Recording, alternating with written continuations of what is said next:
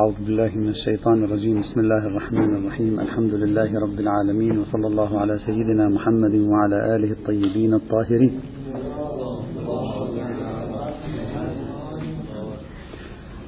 وصل بنا الحديث إلى الشخصيات الأخيرة الحقبة الأخيرة في تاريخ نظرية المقاصد. وصلنا للحديث عن طبعا في القسم السني آه، فعلا. وصلنا للحديث عن ابن عاشور. تكلمنا بعض الشيء عن المباحث التي تعرض لها ابن عاشور وما زال كلامنا في القسم الأول من مباحثه وهو المتعلق ببعض التفصيلات الكلية لنظرية المقاصد. وصلنا إلى فكرة الشخصية النبوية. كان القرافي قبل 700 سنة قد طرح تنوع شخصية النبي صلى الله عليه وعلى آله وسلم إلى ثلاثة شخصيات. شخصية النبي كقاضي وشخصية النبي كحاكم وشخصية النبي كمبلغ. ولكن ابن عاشور بعد قرون أخذ هذه الفكرة وأشار إليها في كتابه هذا ثم قام بتطويرها والتوسع فيها توسعا كبيرا. وذكر اثنتي عشرة أو يعني شخصية للنبي. واحدة منها الشخصية التبليغية التي أطلق عليها هو التشريع. الأدوار النبي أحد الأدوار هو التشريع. طبعا هذه اثنتي عشر بعضها سوف يتداخل في بعض إذا أردنا أن نحاسبه. نحن الآن لسنا في مقام النقد والمحاسبة. بعضها قد يدخل في بعض يمكن إلحاق اثنين ثلاثة في تحت عنوان واحد فقد تصل إلى ستة سبعة في نهاية المطاف. لكن نفس إثارتها تدل على تنوع في قراءة الشخصية النبوية بالنسبة إلى ابن عاشور. وهذا الموضوع هو نفسه الذي قلنا بأن القرافي فتحه وأطلقوا عليه في الدراسات المقاصدية عنوان مقاصد الرسول. تحت عندنا مقاصد الشارع وعندنا مقاصد الرسول وعندنا مقاصد المكلف. الآن هذا تطوير في نظرية مقاصد الرسول. الشخصية الأولى أشير إليها سريعا ونمر عليها الشخصية التشريعية. والظاهر أنه يقصد منها مقام التبليغ يعني النبي يبلغ الأحكام الكلية التي هي موجودة في أصل الشريعة. هذا واحد. الشخصية الثانية الشخصية الإفتائية النبي بوصفه مفتيا. هذه إضافة لا بوصفه مبلغا. ويقصد ابن عاشور من أن النبي بوصفه مفتيا. تعرفون أن أهل السنة عندهم كتب فتاوى النبي. وهذا تعبير فتاوى النبي موجود حتى في الكتب الشيعية إذا صار مجال نقول. حتى هذا تعبير فتاوى النبي موجود حتى في الكتب الشيعية. هو يقصد من فتاوى النبي هنا يقول المقصود من فتاوى النبي هو أن النبي صلى الله عليه وسلم القاعدة الكلية أو الحكم الكلي التبليغي الذي جاءه من قبل الله هو يقوم بتشخيص موضوعه الخارجي فيصدر حكما في الموضوع الخارجي. أنت ماذا تظن؟ تظن أن هذا حكم شرعي جديد. هو ليس حكم شرعي أصلا. هو تطبيق نبوي على موضوع خارجي فأعطاك حكم الموضوع الخارجي. مثلا أنت تأتي تسأل الفقيه تقول له مولانا أنا كنت على يقين بأن الماء نجس ثم شككت في أنه طهر أو لا فيقول لك تبني على طهارة الماء. هذا ليس حكما جديدا. هذا تطبيق هو يوجد حكم واحد اسمه الاستصحاب. هذا تطبيق من الفقيه لهذا المورد. النبي يفعل نفس الشيء أيضا. يطبق الأحكام الكلية بحسب عقله هو بحسب تشخيصه هو على الحالة الخارجية التي وقعت أمامه أو التي سأل عنها السائل. ثم يصدر حكما متعلقا بالحالة ولا يشير إلى أنه يطبقه لا يشير إلى أنه يطبق. يصدر. فأنت تظن أن هذا حكم مستقل خاص بالحالة ولكنه ليس حكما خاصا بالحالة. بل لا يوجد حكم خاص بالحالة أصلا. وإنما ليس هناك إلا حكم واحد وهو عبارة عن كلية. وهذه نقطة مهمة جدا. هذه اثنين. الشخصية الثالثة نعم نعم نعم. المراد من الاجتهاد الآن بصرف النظر عن فكرة الاجتهاد الظني لأن هناك كلام عندهم في أمكان أن يجتهد النبي اجتهادا ظنيا أيضا. بصرف النظر عن الاجتهاد الظني وبصرف النظر عن اجتهاد النبي معصوم أو ليس بمعصوم. المهم أنه اجتهد يقينا ومطابقا للواقع ولكن الجملة التي أبرزها ليست هي حكم الله. ليست حكم الله بأي معنى؟ يعني ليست الشيء الذي نزل عليه هي الشيء الذي نزل عليه وتطبيق النبي للشيء على الواقع الخارجي هذه هذا التفصيل مهم بالنسبة إليه. الشخصية الثالثة الشخصية القضائية كان أشار إليها القرافي من قبل. قال يوجد اثنين يتحاكم عند النبي النبي يصدر حكما هذا الحكم شخصية قضائية ليس حكما تبليغيا. ثم يذكر قرائن. مثلا يقول الشخصية القضائية كيف نعرفها من تعبير كلمة قضى ومشتقاتها؟ مثلا يا رسول الله اقضي بيننا كذا وكذا فقال افعل كذا وكذا يقول هذا حكم قضائي. أو مثلا قضى رسول الله في كذا وكذا أو أنا أقضي بينكم في كذا وكذا أو قضيت في كذا وكذا يقول هذا معناه أن هذا الحكم حكم قضائي وبالتالي ليس جزءا من أصل الشريعة وإنما هو تطبيق نبوي على الحالة القضائية أيضا. جزئية هذه المرة لا الكلية طيب. نعم نعم نعم. لأن نعم. المفتي يطبق القاعدة الكلية إذا أردنا أن نستخدم تعابيرنا المفتي يطبق القاعدة الكلية على جزء إضافي على كل آخر أيضا. بينما القاضي يطبق القاعدة الكلية على جزء حقيقي. يقول هذا المال لزيد هذا الكذا لزيد. فالفرق بينهما في أن حيثية الإفتاء أكثر سعة وكلية من حيثية القضاء. ولكن ابن عاشور في هذه الثلاثة يقول كلها ترجع إلى مقام التبليغ في الحقيقة. يعني في الحقيقة النبي يقوم بعملية تبليغ هنا. هذه يشير إليها هو. يقول لا نقصد من ذلك أننا خرجنا عن دائرة التبليغ. ما زلنا في دائرة التبليغ. غاية الأمر. مرة يبلغ أصل الحكم الذي جاء مرة يعطي الحكم في دائرة الجزء الإضافي اللي هو الإفتاء ومرة يعطي نفس الحكم في دائرة الجزء الحقيقي.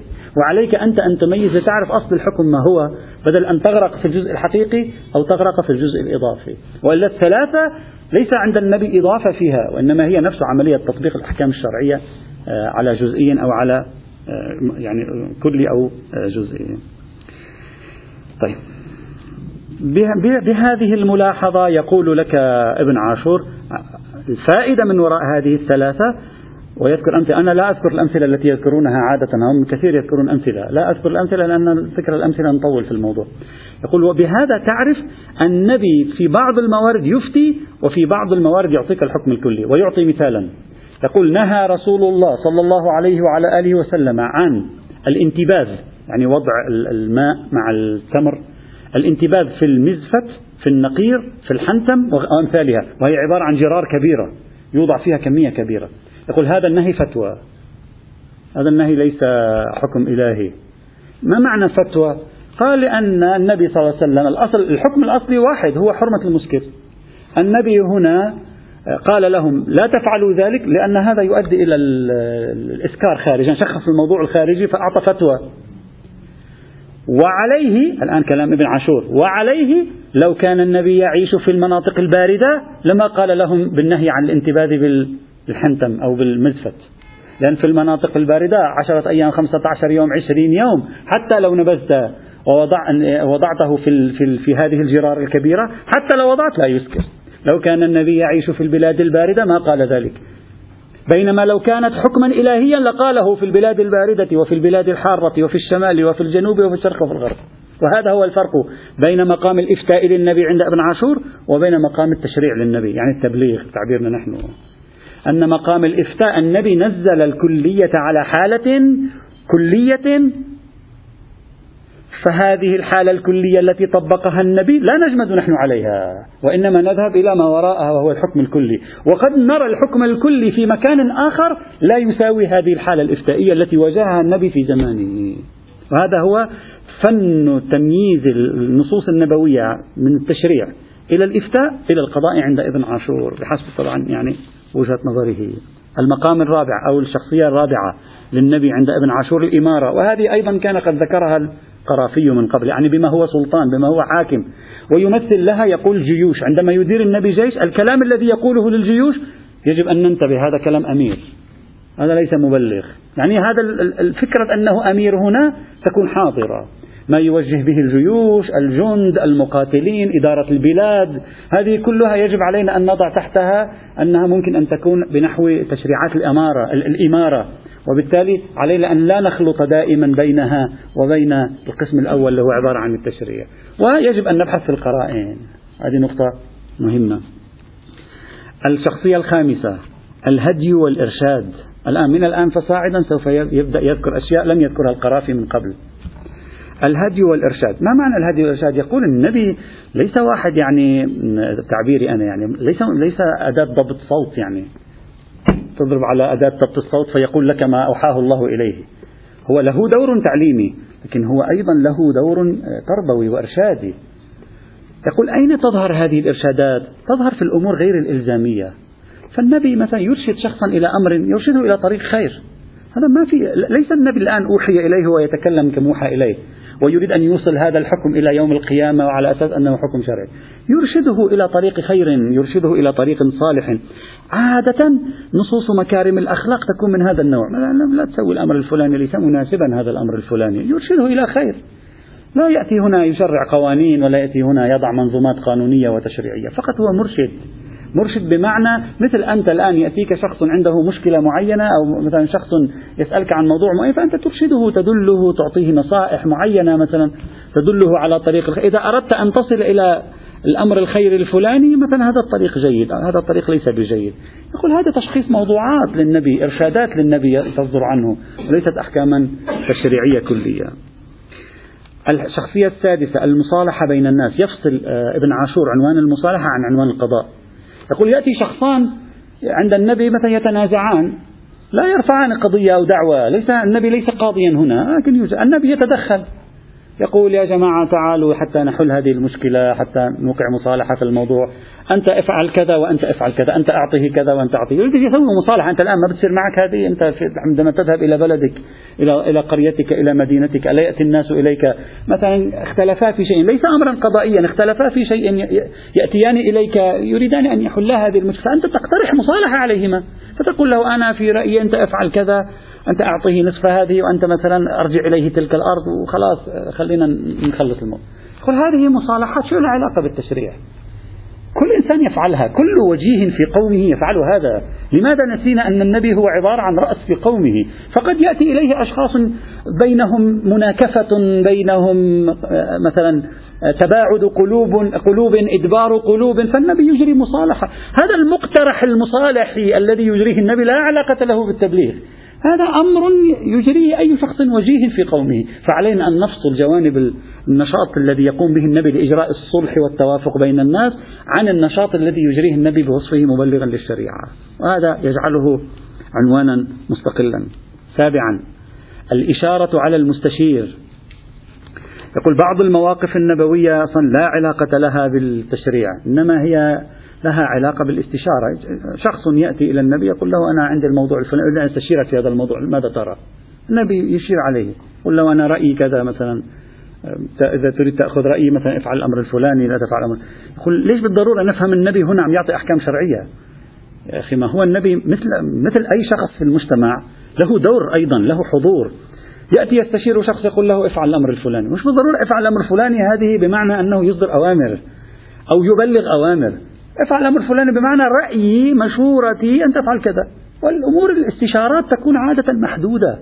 لا ينبغي علينا أن نعممها أو أن نأخذ منها كلية نعتبر أنها عبارة عن قانون عام. لا هذا مثلا خطأ. الاستشارات تخضع للملابسات الجزئية للحالة الخاصة توجيه موردي آه، قد يتغير بتغير الأفراد قد يتغير بتغير الأحوال مثل تفسير المنام كما يقول بعضهم. إذا زيد جاء بنفس المنام زيد جاء به يفسر بطريقة عمرو جاء به يفسر بطريقة أخرى بحسب اختلاف أوضاعهم كما يعني يقول المفسرون للأحلام الله أعلم. فيقول هذه إشارة المستشير سابعا النصيحة. قال هي تشبه المشاورة لكن لا يأتيك شخص يستشير بمعنى يعرض عليك وضعا معينا فأنت تنصحه بنصيحة. يمثل بمثال حتى أقرب الفكرة. يقول فاطمة بنت قيس. رواية حقيقية هذه. فاطمة بنت قيس جاءت إلى النبي صلى الله عليه وعلى آله وسلم. قالت له خطبني رجلان معاوية بن أبي سفيان وأبو الجهم. يعني تريد نصيحة النبي. ماذا تنصح؟ هو فصل بين النصيحة والاستشارة. كما قلت يمكن دمج بعضها ببعض. فماذا تقول لي؟ فماذا قال لها النبي؟ قال لها أبو الجهم لا يضع عصاه عن عاتقيه. يعني هذا هو والعصا يعني أنا أريد أنصحك هذا رجل لا, لا يعني ما لا ينزل العصا عن عاتقه يعني دائما العصا بيده ويضرب. آه أنت حرة أنا أنصحك هذا وضعه كذا. وأما معاوية فصعلوك لا مال له صعلوك يعني رجل فقير مسكين ما, آه ما عنده فلوس. فلا مال له. يقول ابن عاشور هذه هذه لا يمكن أن تفهم منها حكم شرعي كراهة أو حرمة الزواج من شخص لا مال له. هذا خلاف مقاصد الشريعة. الشريعة لا تربينا على أن نترك الزواج من شخص لا مال له. لأنه فقير أنا لا أتزوج منه. يقول هذه نصيحة كانت ولا خصوصيتها. يقول هذا وضعه كذا وهذا وضعه كذا. أنت شوفي أمرك. أنا أعطيتك أوضاع هؤلاء الأشخاص. وانتبهي وضعك مثلا لا لا أرى لك مثلا أن تتزوجي أبا الجهم فإنه كذا ولا أرى لك. يقول هذه نصائح نصائح يعني حالات حالات. لا يراد منها تأسيس أحكام ولا والله أخذ خطوط عريضة واستنطاق لتوجيهات كلية. هذه نصائح موردية هكذا هو يدعي. يريد أن يقول توجد شخصيات للنبي موردية. يعني يفعل فيها النبي فعلا يريد أن يعالج بوضع جزئي. لا ينبغي أن نفهمها على أنها كلية. ولا ينبغي أن نفهمها أنها بصدد إعطاء أحكام شرعية بل هو بصدد معالجة قضية جزئية بصرف النظر عن الشريعة. بالنهاية هو موجود ويريد أن يساعد الآخرين هكذا رأى هو ففعل ورؤيته صحيحة في أمر هذه المرأة. أنت تجي تطلع منها قاعدة كلية ثم تفتي على أساسها بحكم شرعي هذا خطأ من وجهة نظره. المورد التاسع تكميل النفوس. لا أدري ربما تركتهما معا. يقول تكميل النفوس. يفترض هذه هذه فكرة تنسجم مع مع العرفاء والنزعات الروحية. يقول النبي في عنده يعني أنا سأوضح الفكرة من عندي. عنده نشاطين. نشاط للجمهور العام ونشاط للفئة النخبة. وعلينا أن نميز بين كلماته عندما يوجه للجمهور العام وبين كلماته عندما يريد أن يوجه للنخبة. يقول المجتمع النبوي المدني أراد النبي المجموعة المقربة منه أراد أن يجعلها مجتمع نخبة. لذلك أحيانا يطلب منهم أشياء هي ليست مطلوبة من الآخرين أصلا. فقط هو يريدهم أن يكونوا نخبة. فأن تفهمها أنت على أنها لجميع الأمة خطأ. ليش؟ لأنك لو جعلتها لجميع الأمة للحق الأمة الحرج والمشقة. هؤلاء نخبة تستطيع أن تكلفهم بمثل هذا. لأنك تريد أن تجعل منهم نخبة النخبة. أما سائر الناس لا نستطيع أن نخاطبهم بمثل هذا. فالنبي له خطي عمل. خط يوجه فيه جمهور الناس إلى استكمال نفوسهم وخط يختار فيه نخبة نخبة عشرة عشرين خمسين مئة ممكن ألف ويوجه إليهم سلسلة من التوجيهات لأجل ما هو فوق الحالة الطبيعية. هذا الخطاب اللي هو فوق الحالة الطبيعية لا تستطيع أن تقول هو خطاب موجه للأمة وتطلع أنت منه فتاوى لجميع الناس.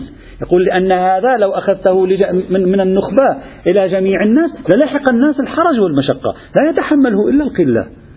هذا يشبه التفكير كما قلت تفكير بعض العرفاء النزعات الروحية لديهم هذا النوع تمييز الخطاب. فيقول النبي عنده شيء من هذا القبيل وهو يعتبر أن خطاب النبي لمجتمع الصحابة خطاب نخبوي لأن مجتمع الصحابة مجتمع نخبة كان يريد النبي أن يؤسس يعني تعبيرنا إحنا تعبير العام يقول دوز عالي يعني يريد أن يؤسس آه، آه، مستوى عال من من النخبة. حتى تستطيع أن تنطلق للأجيال اللاحقة. فلذلك عليك أن تعرف أن النبي ليس في كل ما خاطب مجتمع الصحابة فاذا هو يخاطب مجتمع المسلمين في كل مكان وفي كل زمان. وعليك أن تميز بين طبائع التكاليف التي هي واضح أنها تكاليف قد تكون شاقة فيتحملها نخبة النخبة. ولكن لا تستطيع أن تجعلها أحكاما كلية. وكذلك في الشخصية العاشرة يسميها هو تعليم الحقائق العالية. هذه تشبه أيضا موجودة في في الفكر الشيعي أيضا في فكر علماء يعني التراث الشيعي موجودة هذه الفكرة أن أهل البيت عليهم السلام أحيانا يتكلمون مع العامة وأحيانا يتكلمون مع بعض الخواص يعطونهم علوما عالية.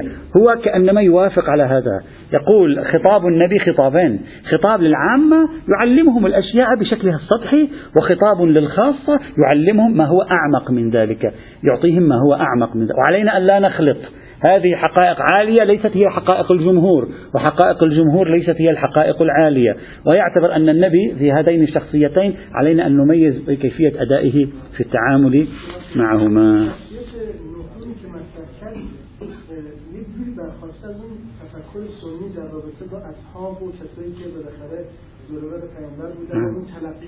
نعم نعم. يبدو من كلامه هكذا نعم.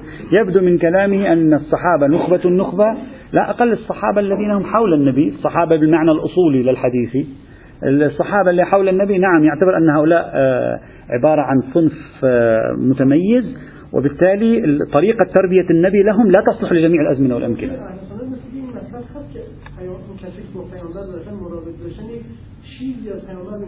مثلا مثلا مثلا. الشخصية الحادية عشر ما قبل الأخيرة التأديب. يقول ما معنى التأديب؟ يقول أحيانا النبي يطلق بعض الأشياء لا يقصد منها حقيقتها وإنما يقصد منها التأديب. يعطي مثال. يقول النبي قال الذين لا يأتون إلى صلاة العشاء الآخرة سأحرق عليهم بيوتهم. يهدد. يقول هذا لا مش نحن والله بكرة نأخذ فتوى منها ونسوي ونحكم بوجوب تحريق البيوت. أو أنه يحق للحاكم أن يحرق بيوت الذين لا يأتون إلى صلاة العشاء الآخرة جماعة في المسجد. يقول هذا لا, لا يفتى بهذا. لا لأنه أجمع المسلمون على عكسها لا لذلك. بل لأن تركيبة هذا النص تركيبة تأديبية فقط هو يريد أن يهول عليهم. يعني يطلق تهديدا يدفعهم فيه للمجيء. لا يريد أن يطبق تهديده. لا يريد أن يطبق تهديده. هذا يشبه نظرية الاعتبار خطابات الاعتبارية للسيد السيستاني كما أشرنا إليها سابقا. فهو لا يريد أن ينقل حكما شرعيا على الوالي أن يفعله مثلا من بعده إذا لم يأتي الناس إلى صلاة الجماعة في العشاء الآخرة. يريد أن يقول هو أسلوب فقط للتأديب لا يحمل مضمونه ولا يمكنك أن تستنبط منه حكما شرعيا على الإطلاق. الشخصية الأخيرة يقول حال التجرد من الإرشاد. لا الآن ثانية عشر. أنا أعيدها الآن. تشريع الإفتاء القضاء الإمارة الهدي والإرشاد المصالحة بين الناس الإشارة على المستشير النصيحة تكميل النفوس تعليم الحقائق العالية. هذه واحدة إضافية قلت. والتأديب. والأخيرة حال التجرد عن الإرشاد. مقصوده من حال التجرد عن الإرشاد الأشياء التي يأتي يأتيها النبي أو يقولها النبي من الجبلة أو الوضع العادي. هذه يبحثونها عادة في أفعال النبي. مثلا والله النبي صلى الله عليه وآله, وآله وسلم مثلا لما رجع من من مكة بعد عمرة القضاء نزل في المكان الفلاني. تفضل. حال التجرد عن الإرشاد. يقول مثلا النبي في منصرفه مثلا من تبوك نزل في المكان الفلاني. أخي نزل في المكان في يعني ماذا؟ قال له انزلوا هنا. يعني ماذا؟ يعني ماذا تريد؟ تريد أن تستنبط حكم شيخ. نزل قال هذا عادي وجد في مكان معين رأى مكانا. قال لهم انزلوا هنا. تريد تعطينا حكم شرعي فيها؟ ما حتى إرشادهم ليس فيه إرشاد. لا علاقة له. هذه أمور عادية. النبي والله مثلا كان إذا مثلا يمشي مثلا بهدوء لنفترض وهذا يمكن طبعه هكذا يمشي بهدوء. فأنت من تعرف أن هذه أحكام دينية؟ تريد أن تسبق عليها أحكام دينية. يعني هذا ليس دقيقا. طريقة حياة النبي بهذا المعنى قد تكون ناشئة من وضعه الشخصي. هذا يذكرني لا بأس من باب الفكاهة.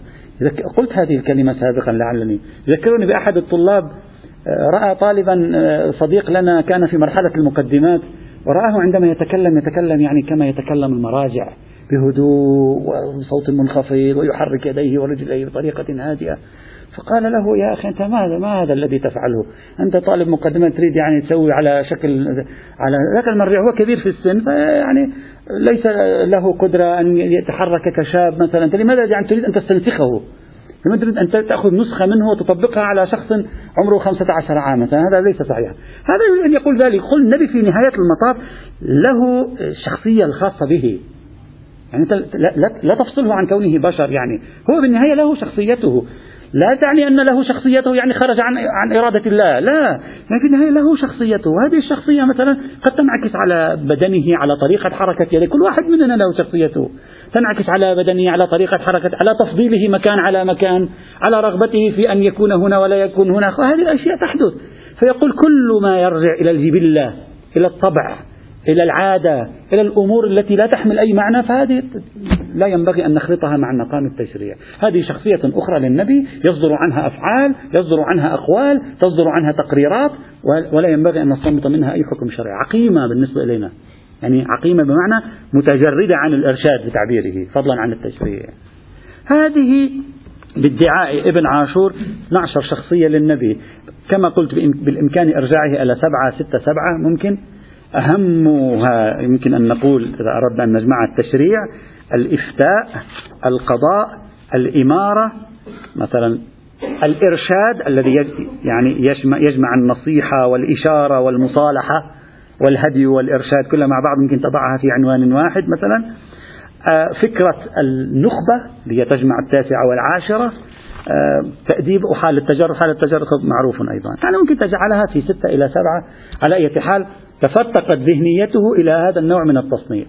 لكن بعض هذه التصنيفات خاصة في باب الفعل الفعل موجودة من قبل عند السنة كثيرا. أنواع أفعال النبي وقد أرجعها على ما في بالي ابن قيم الجوزية إلى خمسين نوع. قسموا أفعال النبي إلى خمسين قسم. ابن قيم يقال النبي يصدر منه شيء على الجبلة يصدر منه شيء مثلا على العادة يصدر منه شيء على الكذا يصدر منه شيء على نحو العبادة يصدر منه شيء على نحو فكل يقول وكل واحدة ينبغي أن نميزها عن الأخرى فلا نخلط شخصيات النبي ببعضها ونتسبب في مشاكل. هذه تصورات آه، ابن عاشور عن موضوع الشخصية النبوية. فقط أنا من باب الاستطراد الآن أريد أن من باب الكلام يجر الكلام أجري مقارنة بسيطة ليس مقارنة آه، تعريج بسيط على ما طرحه السيد السيستاني. يشبه شيئا ما بعض ما طرحه ابن عاشور. طبعا لا أظن أن السيستاني أخذه من ابن عاشور بل أرجح أن السيستاني أخذه من ميرزا مهدي الأصفهاني على الأرجح أستاذ ميرزا مهدي الأصفهاني. السيد السيستاني كما تعرفون في بحث التعارض له بحث مهم جدا. آه، وتشبه طريقة آه، قراءته لهذا الموضوع تشبه طريقة ابن عاشور. يعني لذلك ذكرني به فأحببت فقط أن أعرج عليه في دقيقة أو دقيقتين. يقول الإمام له طريق آه، يتكلم في مقامين. مقام يسميه السيد السيستاني مقام الإفتاء ومقام يسميه السيد السيستاني مقام التعليم. يقول مقام الإفتاء شيء ومقام التعليم شيء. ويبني على ذلك نتائج. يقول مقام الإفتاء شخص يريد أن يسأل سؤال فقهي. وهو يريد الآن أن يعمل على أساس هذا السؤال. فجاء سأل الإمام قال له أنا في البلد الفلاني وعندي الأمر الفلاني وعندي القضية الفلانية فما هو الحكم الشرعي في ذلك؟ الإمام يقول له الحكم الشرعي هو الحرمة أو الوجوب أو الكراهة أو التفصيل إلى آخره. يقول هذا السائل يريد أن يأخذ الحكم يذهب يعمل به. هذا لا هو يجي يدرس عند الإمام ولا يتعلم ولا هو من خواص الإمام. وإنما سائل سأل في وضع ما فأخذ هذا الحكم. يقول مقام الإفتاء لا يجوز فيه مثلا له نتائج. مثلا واحدة من النتائج يطرحها الثاني لا يجوز فيه استخدام القرينة المنفصلة. يقول لا لا يمكن لأن استخدام القرينة المنفصلة في إخلال بالبيان. هذا لا يجوز فيه استخدام قرينة منفصلة. هذا الرجل راح يروح إلى بلده وسيعمل بهذه الفتوى. إذا في قرينة منفصلة كيف هذا؟ يعني أي أي بيان هذا؟ هذا واحد من آثار مقام الإفتاء. فإذا مقام الإفتاء النتيجة فيه كاملة ناجزة فعلية ملتئمة لا, لا إضافة فيها. أما مقام التعليم يقول مقام التعليم الإمام يعطي الأحكام لكن كالمعلم يدرس كيف أنت يعطي هو يعطي مثال يعني. مثلا كيف أنت مثلا آه، تعطي درس عشرة أيام عشرين يوم في موضوع معين. الآن إذا أنا أنهيت درس اليوم خلاص تحكمون على آه، على رأيي في موضوع المقاصد؟ لا يمكن. يعني ما زال البحث مستمرا. ما زلت أعطي وما زلت أعطي وما أنا لماذا؟ لأنني في مقام التعليم. مقام التعليم ليس مقام إعطاء فتوى ناجزة نهائية. وإنما أنا أعطيك مجموعة أفكار وتتراكم هذه الأفكار على طريقة التعليم ثم بعد ذلك تلتئم ثم تأخذ أنت الفكرة النهائية. يقول في مقام التعليم يمكن إجراء القرائن المنفصلة. ليس فيها بأس أصلا لا مشكلة. يقول ويرتب على ذلك نتائج. يقول إذا جاءني إطلاق في جملة صدرت في مقام الإفتاء. وقابل هذا الإطلاق عموم معنى العموم أقوى من الإطلاق. عموم في جملة صدرت في مقام التعليم. قدم إطلاق مقام الإفتاء على عموم مقام التعليم. ولو كان العموم أقوى في الظهور من الإطلاق. هذا رأيه ويرتب نتائج الإخوة الذين يريدون مراجعة هذا البحث موجود عند السيد الثاني في كتاب تعارض الأدلة واختلاف الحديث بتقرير السيد هاشم الهاشمي صفحة 188 إلى 211 تقريبا حوالي يعني 25 صفحة ربما آه، في شرح هذه الفكرة وتحليل أسباب الاختلاف على أساسها اختلاف الأخبار وإجراء معالجات للأخبار على أساس هذه الفكرة. فلاحظ أن السيد السيستاني تشبه فكرته فكرة ابن عاشور. يعني من هذا المعنى تارة الإمام يريد أن يعطي فتوى ناجزة وتارة ليس في مقام إعطاء فتوى في مقام التعليم. مقام التعليم يختلف عن مقام الإفتاء. لا بأس به.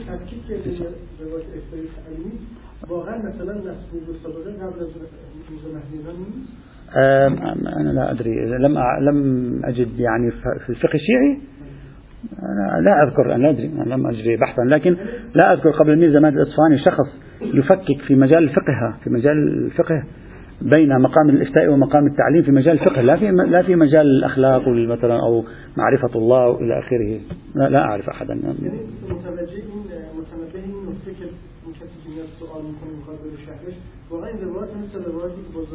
عادة أنت الذي تجده في الكتب الفقهية هكذا.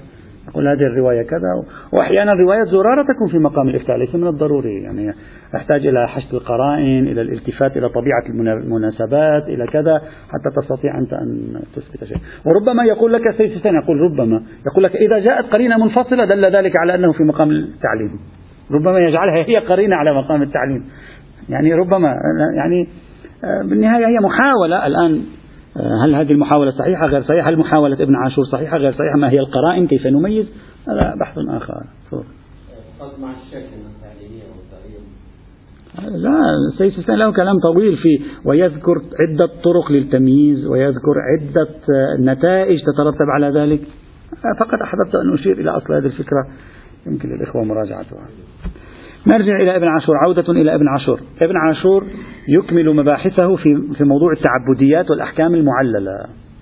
يقول ابن عاشور الأحكام الشرعية التراث الفقهي الذي بين أيدينا عندما يتعامل مع الأحكام الشرعية على ثلاثة أنواع.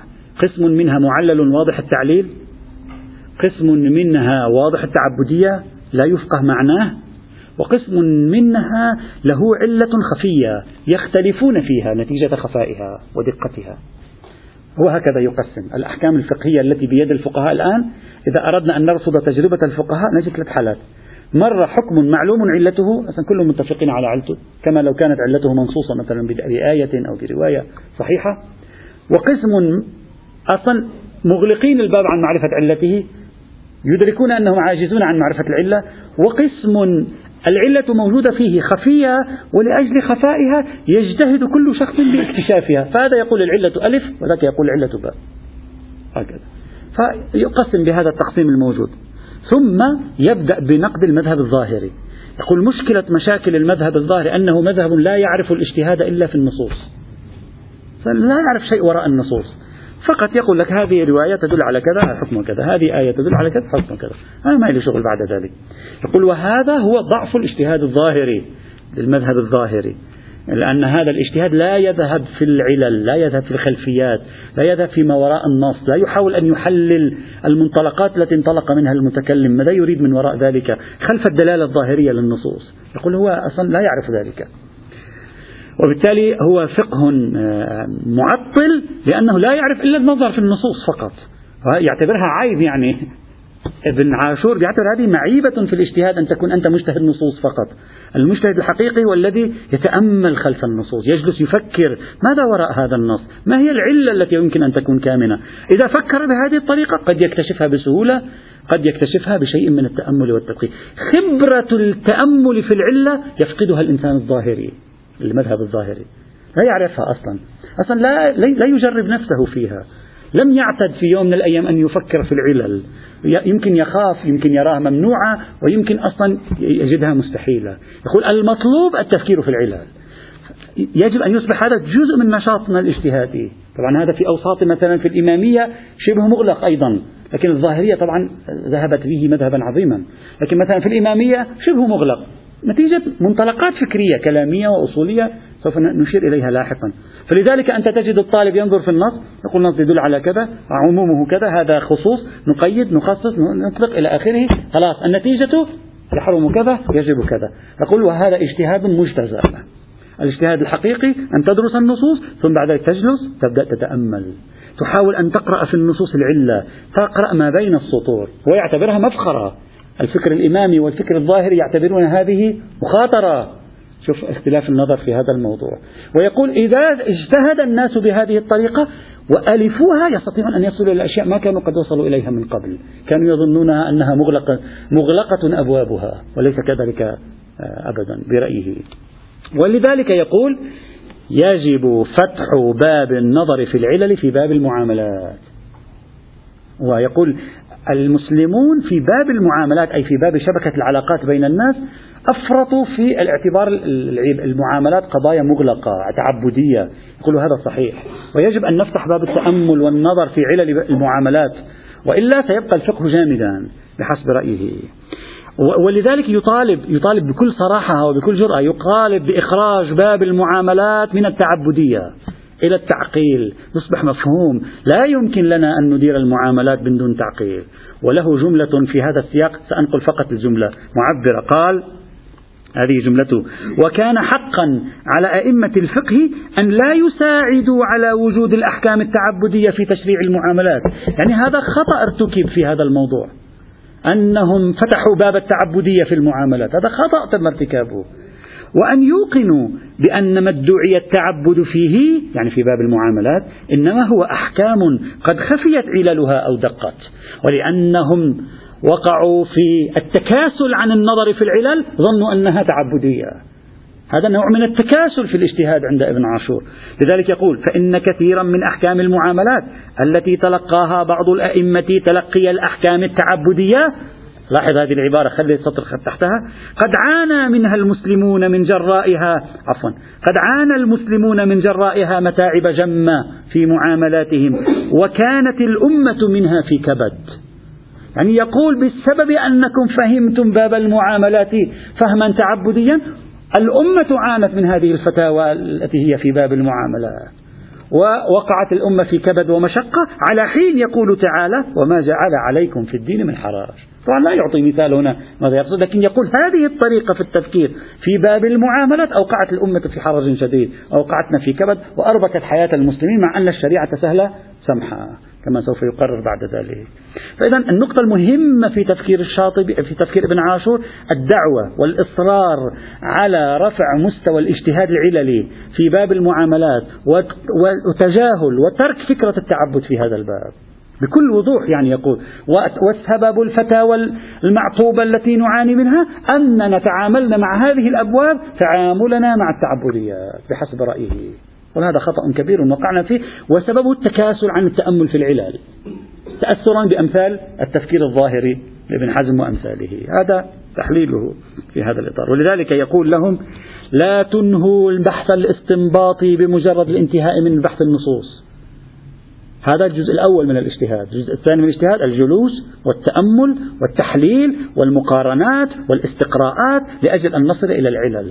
فإنها التي تفتح لنا الباب لمعرفة فقه المعاملات آه، بحسب رأيه. إما تصل إلى علة يقينية أو تصل إلى علة يعني ظنية قوية والظنون حجة في الفروع بحسب رأيه. ولذلك ينهي ويقول التعبديات المحضة لا وجود لها في أبواب المعاملات والجنايات. أصلا لا وجود لها. يعني ينفيها نفيا تاما. هذا القسم الأول من الكتاب التنظيرات الكلية. ثم ينتقل إلى القسم الثاني وهو مقاصد الشريعة العامة. هو القسم الثاني والثالث تطبيق. ما معنى التطبيق؟ يعني بعد أن أصل الفكرة قال أنا أريد أن أطبقها في موردين. سآخذ الشريعة كلها وسأذكر بعد مقاصدها العامة. ثم سآخذ المعاملات لأنه يريد أن يفتح الاجتهاد العللي في المعاملات. سآخذ المعاملات وأجتهد في عللها. فلذلك قسم كتابه ثلاث أقسام. القسم الأول في أصل النظرية وأصل الأفكار العامة حولها. القسم الثاني مقاصد الشريعة العامة. القسم الثالث مقاصد الشريعة في باب المعاملات والعلاقات. هذا القسم الثالث لا يعنينا لن نبحثه لأنه مجرد تطبيق تفصيلي لن نعرج عليه. أول ما يفتح ابن عاشور المقاصد العامة للشريعة يقول مقاصد الشريعة العامة يعني هي كالروح التي تسري في كل أحكام الشريعة. ثم يدخل إلى الصفة الضابطة للمقاصد الشرعية. ما هي الصفة التي تجعل مقصدا من مقاصد الشرعية العامة؟ يعني لا بد في المقاصد الشرعية العامة أن تتصف بصفات. فيقول مقاصد الشريعة العامة إما حقيقية وإما عادية عرفية. يقول ليس المراد من الحقيقية؟ الحقيقي في الفلسفة في مقابل الاعتباري هو يقول قل ليس مرادي من الحقيقية الحقيقي في الفلسفة في مقابل الاعتبار. مرادي من الحقيقية تلك التي تدرك بدون حاجة لا إلى شريعة ولا إلى قوانين ولا إلى أعراف ولا إلى عادات ولا إلى تجربة بشرية.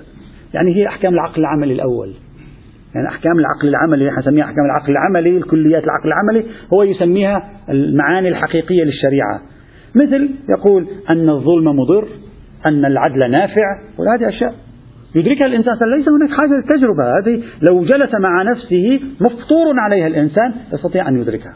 القسم الثاني مقاصد شرعية عامة عادية عرفية. يقول هذه من أين تأتي للبشر؟ تأتي من التجربة. يعني البشر في نهاية المطاف لما دخلوا هذه الحياة عندهم تجارب متراكمة. قرنا بعد قرن وجيلا بعد جيل. هذه التجارب أوصلتهم إلى أنه إلى أنه إذا عاقبنا المجرم سوف تنخفض نسبة الجرائم في المجتمع. إذا عاقبنا المجرم سوف ينخفض نسبة إقدامه على الجريمة. هذا لم نكن نعرفه قبل التجربة. بعد التجربة رأينا ذلك تراكم تحول إلى حقيقة موجودة في أذهاننا. هذه الحقيقة تجربية عادية عرفية ومقصدية أيضا. فينوع المقاصد إلى نوعين. يقول بعض مقاصد الشريعة من النوع الأول بعض مقاصد الشريعة من النوع الثاني. ثم يذكر أربع شروط للمقاصد الكلية. الشرط الأول الثبوت. مقصوده من الثبوت أن تكون هذه المقاصد قطعية أو ظنية ظنا عاليا قريبا من الجزم. فكل مقصد شرعي لا يكون فيه قطع يعني لا يكون مقطوعا به أو لا يكون بالغا في الظن حدا قريبا من الجزم لا ينبغي أن نجعله من مقاصد الشريعة. هذا مضمون ظنا ضعيفا. اثنين الظهور. يقول المقاصد الشريعة التي أريد أن أطرحها هنا وينبغي أن نتفق عليها هي المقاصد التي إذا عرضناها على جمهور فقهاء الأمة قبلوها. طبعا يعني هو أكيد يقصد من الأمة تلك الأمة التي ليس عندها الحساسية الموجودة عند المذهب الظاهري والمذهب الإمامي من موضوع العلل. أعتقد ذلك. وإلا إذا سيوسع الدائرة الظاهرية لن يقبلوا معه بكثير منها. ربما لا أدري. يقول بمعنى أن تكون جلية يعني لما ننقحها نعرضها على فقهاء الأمة جمهور فقهاء الأمة سيقول نعم صحيح. مثلا إذا أنا قلت لك الشريعة من مقاصدها جعل الإنسان أقرب إلى الله. ستناقش في هذا؟ ما تناقش معي في هذا. لماذا؟ لأن هذه قضية واضحة قطعية من جهة وإذا عرضتها على فقهاء الأمة وعلماء الأمة في الأعم الأغلب سوف يقبلونها. هذا الشرط الثاني. لماذا يشرط هذه الشروط؟ حتى يصل إلى تحديد مقاصد. يمكن أن تؤسس علم مقاصد الشريعة على اليقين وتخفف نسبة الخلاف كما قلنا بالأمس. فيريد أن يضع شيئا من التوافق في الموضوع. ثالث الانضباط. ما معنى الانضباط؟ يقول لا يوجد تشكيك في المقصد. يعني هذا المقصد إذا وجد تحققت نتائجه. ما وجد لم تتحقق نتائجه. لأنك إذا وضعت تشكيك مثل الزئبق يضيع من يدك. ممكن يكون المقصد موجود لكن بدرجة واحد لا تتحقق نتائجه. وممكن يكون مقصود بدرجة مئة فتتحقق نتائجه. يعني كيف نستطيع؟ لابد أن تكون منضبطة. لابد أن أقول وجد المقصد حتى يصبح عندي قدرة أن أقول وجدت النتائج. فلازم تكون شو؟ منضبطة. والشرط الرابع والأخير الاضطراد. بحسب تعبيري. ما معنى الاضطراد؟ قال يجب أن يكون هذا المقصد. سنخ مقصد يمكن أن يسري في الأعراف جميعا في عادات كل الأقوام عند جميع الشعوب في جميع الأزمنة في جميع الأمكنة. لأن هذا معنى أن الشريعة عامة شاملة لكل مرافق الحياة في كل زمان وفي كل مكان. ولا بد أن يكون كذلك. وإلا إذا كان هذا المقصد العام لكل الشريعة مقصد فقط ينتفع به العرف العربي. شو فائدتي أنا من هذا ليس مقصد عام للشريعة. مقصد عام للشريعة أي شريعة؟ الشريعة التي جاءت في العالمين. فلا بد أن يكون المقصد مقصدا ترى نتائجه عند العالمين. إذا هذه أربع شروط عنده. الثبوت الظهور الانضباط والاضطراد وبهذه الطريقة يحدد الرجل مقاصد الشريعة التي يراها موافقة للفطرة والخلقة. يقول الفطرة ليست فقط في العقائد الفطرة أيضا في الأمور العملية وفي مجال الخلقة. ثم يبدأ بسرد بعض مقاصد الشريعة على ترتيبه هو. يعني الكتب كثير من الأحيان المصنفين يصنفون بطريقة غير مرتبة. أنت عليك أن تستنبط الأمور. مثلا أول أعطي فقط كمان مثال وأمر. أول مقاصد الشريعة عنده السماحة واليسر. بيجيب شواهد على ذلك. أقول هذه مسلمة. لا ينبغي أن تتحول الشريعة إلى شريعة عسيرة على المجتمع. ويقول العسر ينبغي أن نلحظه تارة في الفرد وأخرى في المجتمع. فلا ينبغي إذا ألقيت هذه الشريعة على مجتمع يصبح المجتمع يئن من وطأتها عسيرة عليه. متعبة مكلفة. قل يجب أن تكون سنخ شريعة يمكن أن يتوالم معها الإنسان. الإنسان بحسب طبيعه العادية يمكن أن يتوالم معها. يقول ولذلك الشريعة الإسلامية انتشرت في كل الأقطار لأنها كانت سنخ شريعة إذا عرضتها على قوم جدد رأوا إمكان أن يعيشوها إمكانا أن يتكيفوا معها. ما رأوا أنها صعبة عسيرة. بعدين نحن صعبناها.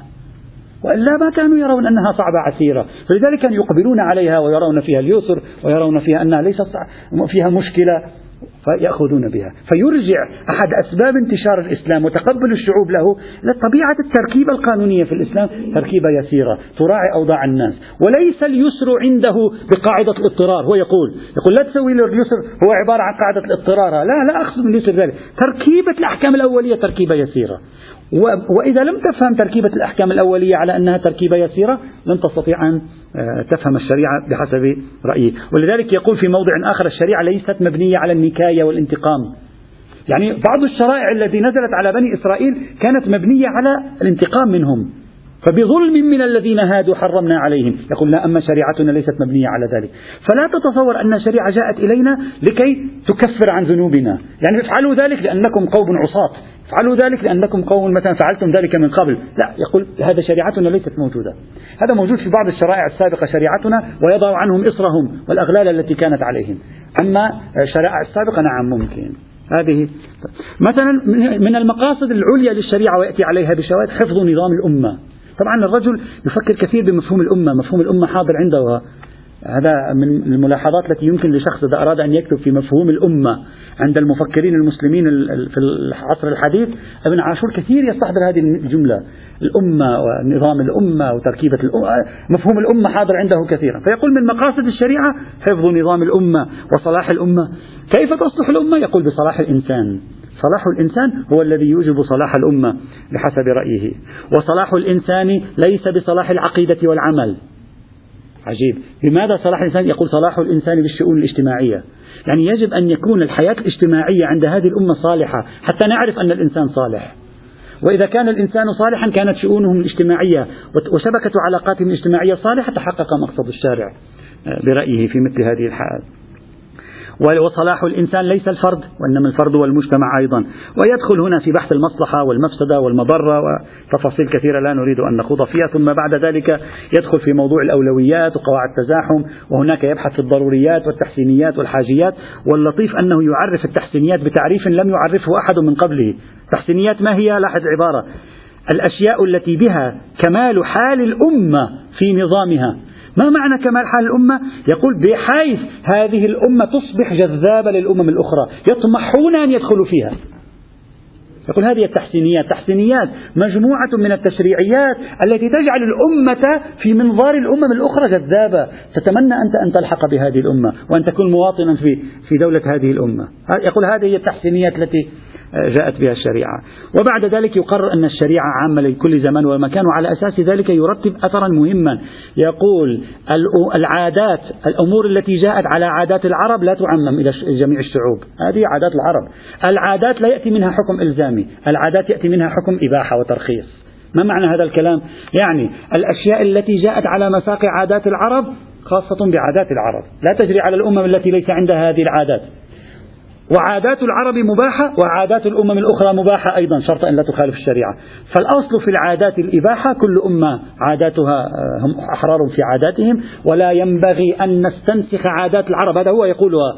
أن نستنسخ طبيعة المجتمع العربي وعادات المجتمع العربي نستنسخها على جميع الشعوب وعليهم أن يكون عاداتهم وتقاليدهم مثل عادات العرب وتقاليدهم أبدا. وليس العكس. الأحكام الشرعية ليس لها علاقة بالعادات الأحكام الشرعية فوق العادات. وما له علاقة بالعادات مبني على الرخصة. لا أكثر ولا أقل. طبعا بعد ذلك يقرر مبدأ المساواة في القانون. شوف العصر الحديث ماذا فعل؟ يقول من مقاصد الشريعة العليا المساواة في القانون. من مقاصد الشريعة العليا الحرية. هذا مهم جدا بالنسبة إليه. حرية العقيدة حرية التعبير. حرية في مقابل الاستعباد. ثم لما يتكلم عن الرقية ماذا يقول الرقية؟ لا يحللها بطريقة تاريخية. كان وضع تاريخي معين ولا الشريعة مبنية على الحرية. وعنده عبارة يقول أكبر ظلم يلحق بالشريعة والإنسان عندما نعتدي على الحرية. لاحظ أيضا مفهوم الحرية أدخله في مقاصد الشريعة العليا. كل واحد يعني يقرأ الأمور بطريقته. وبعد ذلك يقوم بتطبيق آه، نظريته في باب المعاملة. أريد أن أطيل أكتفي بهذا القدر في ابن عاشور حتى ننتقل غدا إن شاء الله إلى عرض موجز الشخصية يعني ما قبل الأخيرة تقريبا علال الفاسي المغربي الذي كتب كتابا أيضا في مقاصد الشريعة ويعد أحد الشخصيات الأساسية في نظرية المقاصد في القرن العشرين. نعرف به ثم في يعني لقاء لقاءين نذكر المشهد الحالي باختصار شديد حتى ننهي الرصد التاريخي لهذه النظرية عند أهل السنة. هذا خلاصة موجزة جدا لتصورات ابن عاشور لنظرية المقاصد وطريقة تفكيره في هذا الموضوع. أختم بقصة جميلة لا أدري إذا صحيحة هذه القصة. يقال صحيحة يقال. يقولون بأن ابن عاشور آه، وعندما يصفون هذه القصة يقولون أقصر خطبة جمعة في تاريخ الإسلام. لا أدري إذا صحيحة مذكورة مشهورة متداولة عنه كثيرا. لا أدري إذا صحيح أو لا. يقولون بأن ابن عاشور صعد إلى منبر خطبة الجمعة وقف. فقال ما مضمونه أنه بلغني أن نساءكم تجري آه، يعني في الأسواق. يعني كاشفات حاسرات بدأ السفور ينتشر يعني.